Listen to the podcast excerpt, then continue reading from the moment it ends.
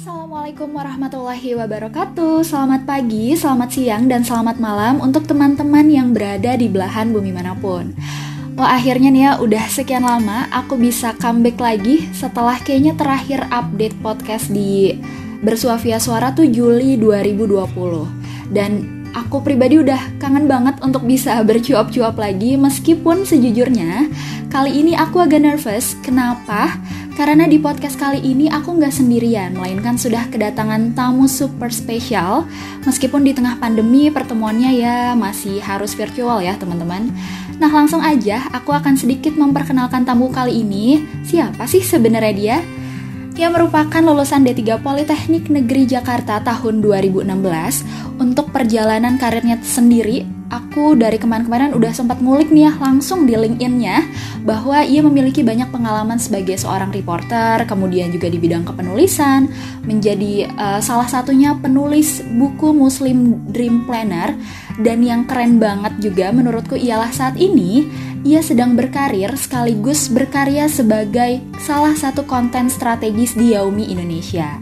Dan aku yakin teman-teman di sini kebanyakan pasti udah sangat familiar ya dengan Yaumi dan mungkin buat teman-teman yang belum tahu sedikit informasi kalau pemaknaan versi aku ya, Yaumi itu uh, punya misi sebagai youth muslim partner yang bisa menemani teman-teman muslim semua untuk bisa terus berkembang, bertumbuh dan belajar banyak hal agar bisa tetap produktif, kemudian juga uh, tetap bisa berkarya, khususnya juga banyak mengangkat topik-topik seputar Islam itu sendiri, namun dalam ruang lingkup yang lebih luas kayak gitu.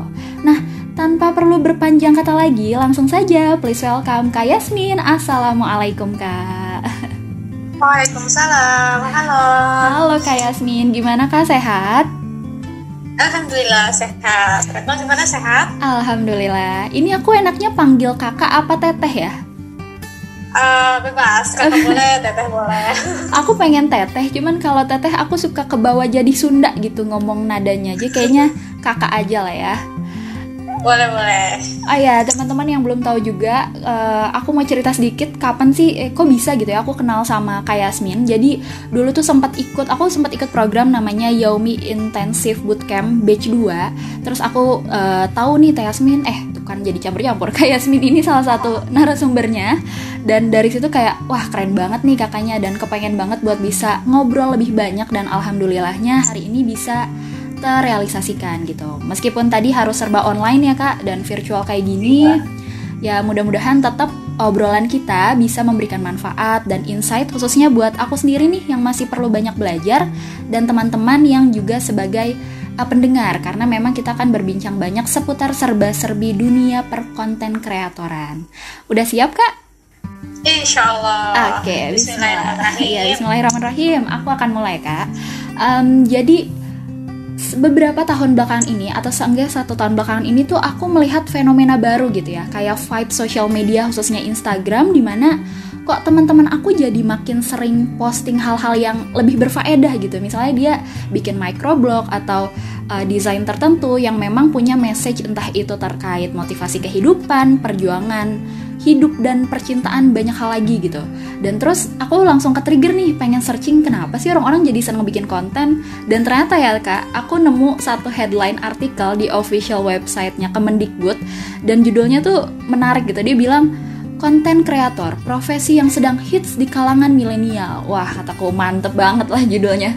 Nah, kalau menurut Kak Yasmin sendiri, gimana sih Kak melihat tren perkembangan proses, eh proses profesi sebagai seorang kreator, uh, konten kreator hari ini? Dan menurut Kak Yasmin, apa yang menjadi daya tarik kemudian kok makin banyak ya gitu, khususnya usia-usia milenials yang berusaha menjadi seorang konten kreator? Monggo Kak uh, aku juga sempat beberapa kali sempat nemu juga sih uh, Reto ya, baca berita-berita yang headlinenya konten kreator menjadi salah satu profesi yang ibaratnya hmm, menjanjikan gitu yang paling ibaratnya paling tinggi gitu ya. Uh, kalau menurut aku pribadi mungkin ya uh, salah satu alasannya atau mungkin uh, pencetusnya karena mungkin kalau aku yang merasanya mulai rame-ramenya itu ketika pas lagi pandemi. Dari hmm. awal uh, Maret kali ya maksudnya awal tahun gitu kan. Ketika banyak orang uh, di rumah aja nggak bisa ke mana-mana gitu kan mereka jadi lebih banyak meluangkan waktu di media sosial. Terus juga uh, apa namanya seiring dengan terus berkembangnya uh, teknologi terus juga uh, kayak media sosial media sosial kayak Instagram, TikTok gitu kan. Jadi uh, ketika orang-orang lebih banyak mel, apa menghabiskan waktu di rumah terus mengkonsumsi media media media sosial seperti Instagram terus TikTok. Sekarang TikTok kan juga lagi hype banget, banget ya, ya. iya ya uh, lagi booming.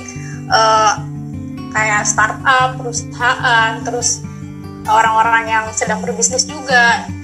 Um, mereka juga apa ya mau nggak mau kayak ngikutin perkembangan ini loh apa hmm, perkembangan uh, media sosial gitu. Jadi menggunakan TikTok sebagai salah satu uh, media marketing mereka gitu kan. Hmm.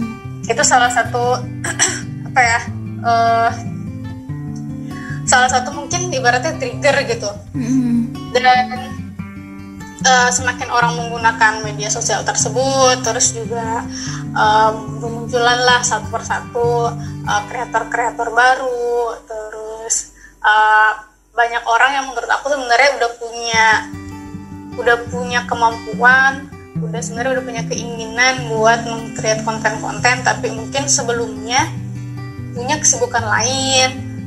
Uh, mungkin sebelumnya belum kepikiran uh, mau jadi konten kreator tapi mulai dari mana gitu kan. Terus makanya kan kemarin sempet eh, Yaumi uh, apa namanya kita tuh ngadain survei kecil-kecilan di Instagram Story kan. Uh, terus dan memang hasil dari survei tersebut mereka itu tertarik dan kan kita ngasih beberapa opsi pilihan tuh judul-judul dan opsi uh, untuk menjadi dakwah konten kreator menjadi konten kreator menjadi salah satu uh, opsi yang paling banyak diminati sama teman-teman teman-teman Yaumi gitu kan hmm, yeah. jadi hmm, satu menurutku ya yang tadi soal uh, pandemi terus banyak uh, menghabiskan waktu di rumah uh, menghabiskan waktu di media sosial. Terus juga kemarin kan Yomi sempat bikin konten terkait uh, apa namanya aplikasi-aplikasi apa aja sih yang paling banyak digunakan di dunia gitu dan hmm. Instagram menjadi salah satu aplikasi yang cukup banyak digunakan gitu.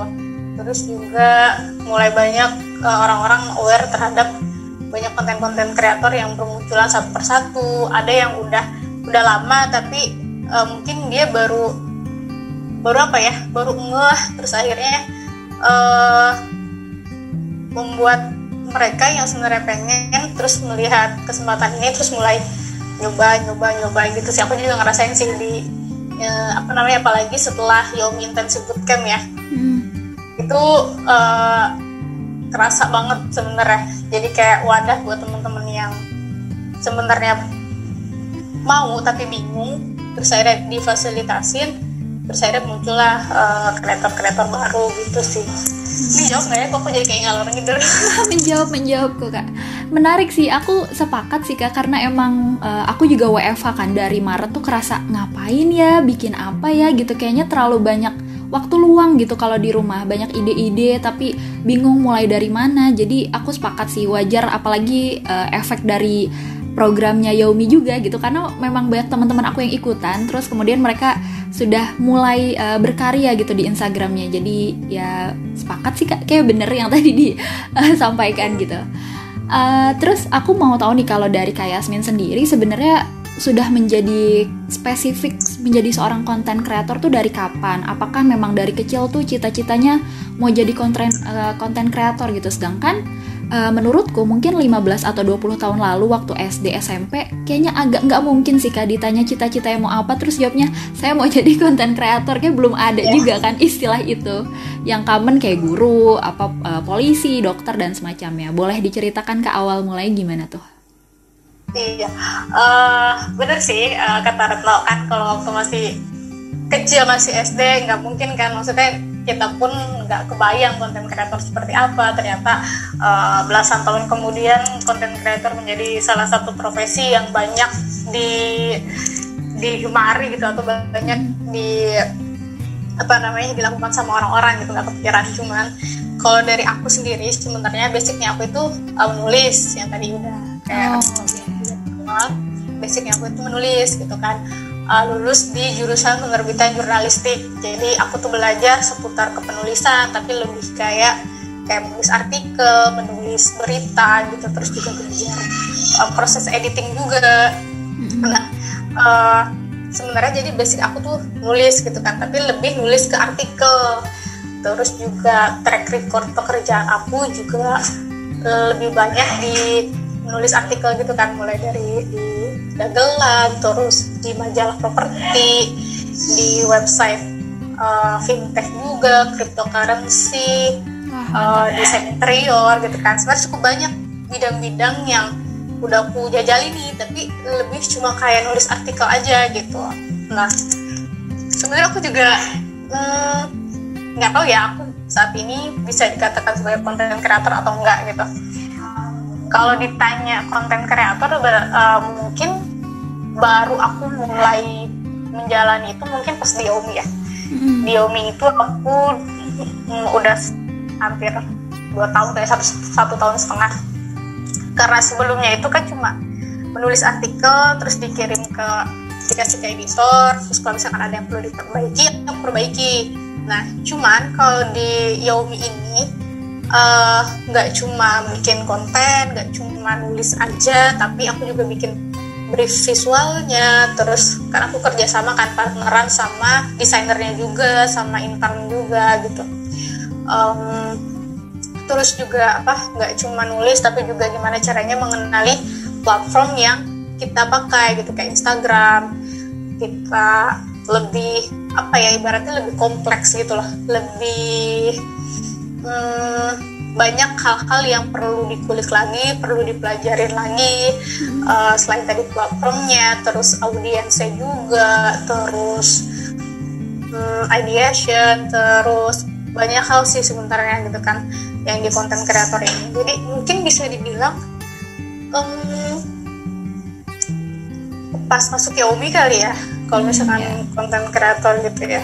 Karena sebelumnya itu basicnya cuma menulis aja gitu tapi kan uh, yang di Yaomi ini memang tetap ada uh, nulis tuh menjadi apa ya dasarnya juga kan cuman lebih lebih dikemas lagi, dibantu lagi sama desainernya juga. Terus juga ada banyak hal-hal teknis lainnya yang perlu aku gali lagi, perlu aku kerjain lagi gitu. Hmm, ya ya ya.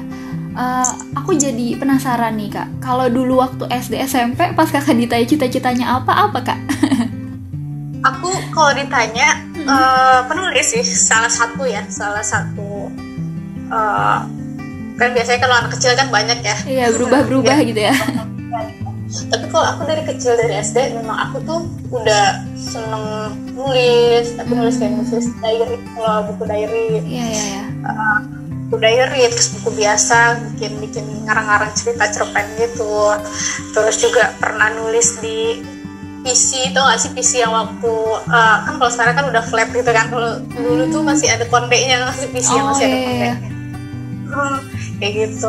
Jadi kalau ditanya SD uh, cita aku apa salah satunya itu nulis sih gitu. jadi sebenarnya nggak terlalu loncat-loncat banget ya kak. Karena tadi nulis tuh kayak basicnya lah untuk bisa jadi konten kreator juga gitu. Iya karena pun di Yomi pun aku memang nulis juga sebenarnya itu. Hmm, hanya bekerja sama tadi sama orang bagian desain ya kayak dan lain-lain gitu. Mm -mm. gitu.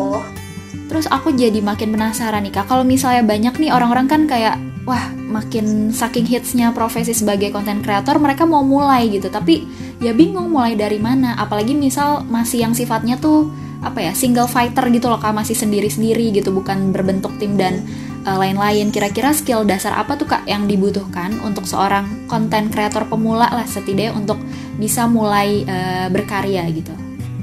Hmm.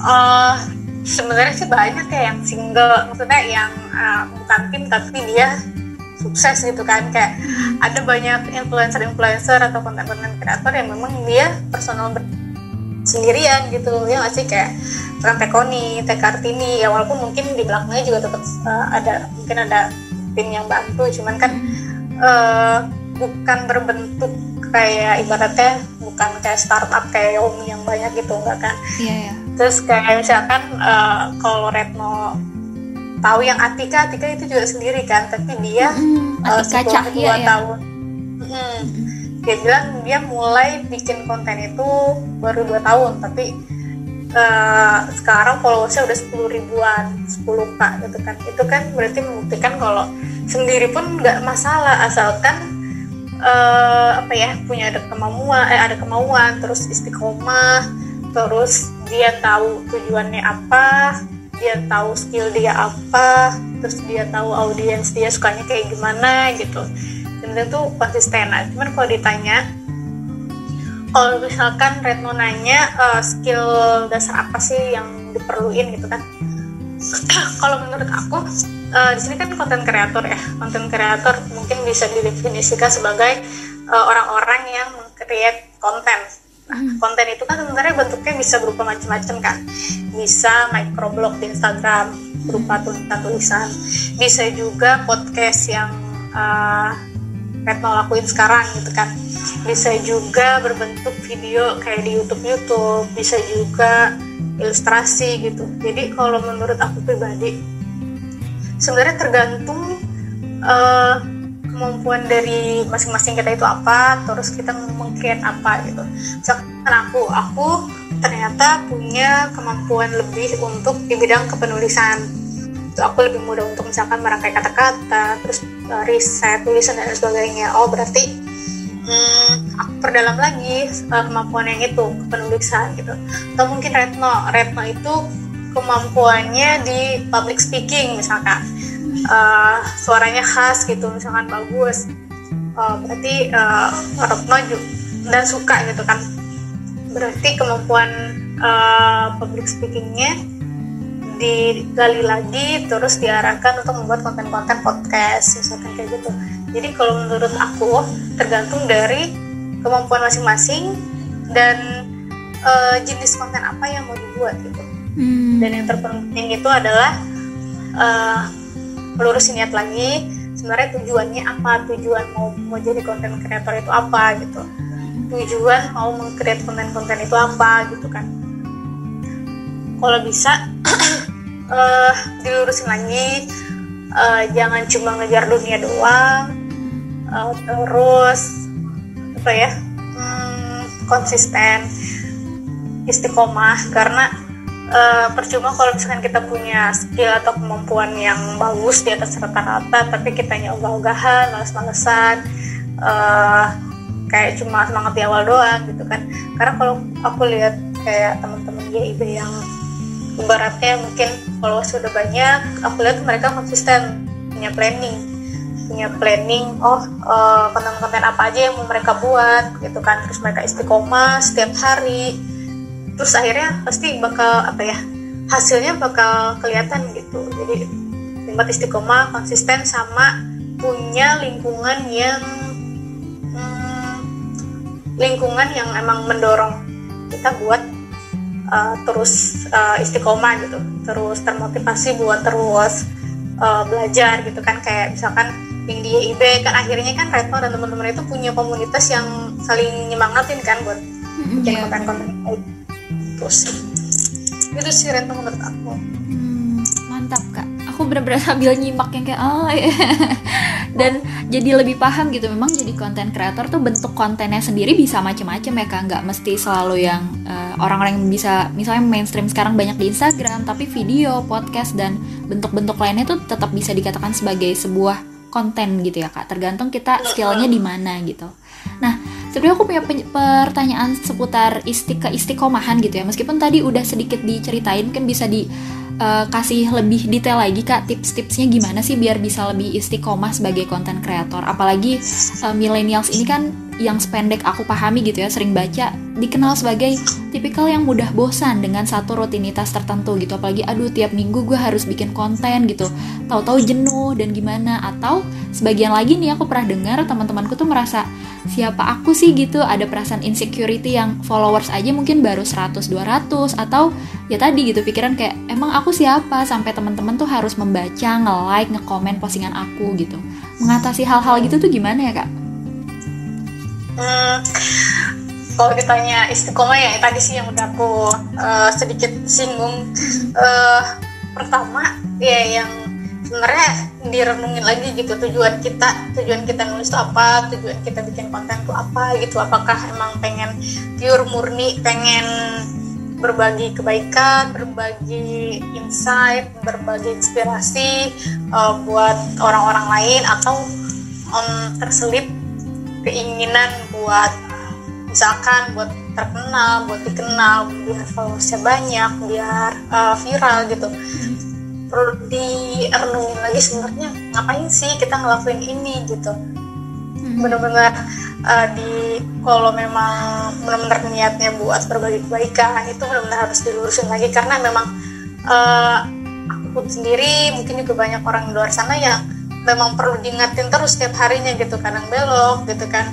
Mungkin awalnya udah lurus ternyata um, melihat hype-nya gitu mungkin ada postingan atau konten kita yang uh, banyak banyak uh, ada satu, satu postingan yang memang rame gitu terus akhirnya akhirnya bikin niat kita jadi agak melenceng sedikit gitu kan. Hmm. pasti ada momen-momen kayak gitu nanti di tengah jalan. Itu gimana cara supaya kita uh, balik lagi lurus lagi gitu uh, terus uh, yang kedua tadi uh, istiqomah itu emang susah sih. Uh, namanya juga manusia gitu kan imannya naik turun. Cuman sebisa mungkin tadi yang kayak aku bilang uh, niatnya terus uh, goalsnya uh, goalsnya itu apa gitu kan. Terus dirinciin lagi uh, perkecil apa namanya um, perencanaannya dirinciin lagi gitu kan.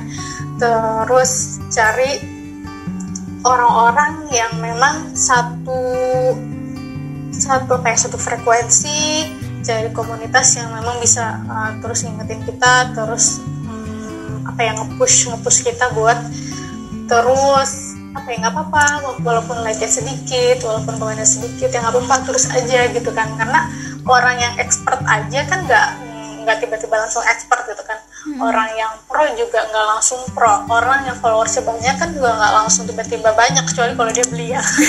Iya, iya, iya. ya itu kan pasti kan perlu ada prosesnya perlu uh, uh, dimulai dari yang uh, pelan-pelan dari yang sedikit dulu dari yang kecil dulu. Emang emang mungkin rasanya berat sih ya. Maksudnya prosesnya mungkin uh, yang nggak kuat biasanya gugur di tengah jalan gitu kan. Ternyata responnya sedikit gitu kan dibandingkan dengan teman-teman yang lain. Ah udahlah ngapain lah gak usah gitu kan. Cuman makanya tadi pentingnya uh, komunitas gitu. Kayak misalkan aku sama teman-teman. Dan jadi ada beberapa alumni IB yang kira kita saling followan terus saling saling ngasih support saling uh, mendukung gitu kan. Jadi kalau kita punya kalau kita punya uh, komunitas punya teman-teman yang satu jalan satu frekuensi jadi bisa saling support gitu. Misalkan kita nge-share uh, media uh, kita komen gitu kan kita saling ngasih dukungan saling ngasih feedback. Coba deh dijadiin kayak gini. Yang kemarin mungkin kurang rame kurang ramai karena ini ini ini ini, ini gitu. Jadi hmm, jangan sendirian sih. Kalau sendirian ketika kitanya udah mau nyerah ya nggak ada yang nyemangatin lagi sih gitu oke okay. apa lagi tadi pertanyaannya Oke, okay, um, menarik sih kak. Ya jadi memang aku juga ngeliatnya orang-orang kadang misal ngelihat uh, oh Yaomi followersnya udah banyak gitu ya, attractionnya tinggi, tapi mereka nggak melihat proses di balik itu, nggak tiba-tiba Yaomi juga se hype sekarang gitu kan ya kayak. Ya. Jadi ada selalu proses panjang iya, yang betul. harus dibayar gitu. Oke lah, sangat-sangat menarik. Terus ya aku juga ada uh, struggle sebenarnya. Uh, aku tuh waktu itu handle Yaumi start dimulai dari eh, sepuluh ribu apa deh kalau salah sepuluh ribu. Hmm. mulai dari uh, sampai ada momen apa ya ada problem ada yang ngehack lah gitu kan ada yang sempat ngehack terus Xiaomi uh, akunnya nggak bisa di di search oh. terus juga mm, terus kalau nggak salah sempat hampir kena hack itu sekitar dua kali terus juga pernah kena ban juga sama Instagram gitu jadi kita nggak bisa posting nggak bisa nge-like nggak bisa komen padahal itu uh, adalah apa timelinenya waktu yang kita buat promo kelas online gitu hmm. ada ada banyak sebenarnya ya kan yang yang sempat aku sharing juga di Om Bootcamp kan ibaratnya PFI aku juga bikin postingannya juga di Instagram. Instagram iceberg gitu kan. Orang melihat apa yang kelihatan sama orang itu ya cuma ujungnya aja. Kita nggak yep. tahu. Di dasar-dasarnya itu banyak banget proses-proses yang memang perlu dilalui itu nggak serta merta langsung langsung enak aja. Iya benar benar benar benar. Aduh aku semakin tertegun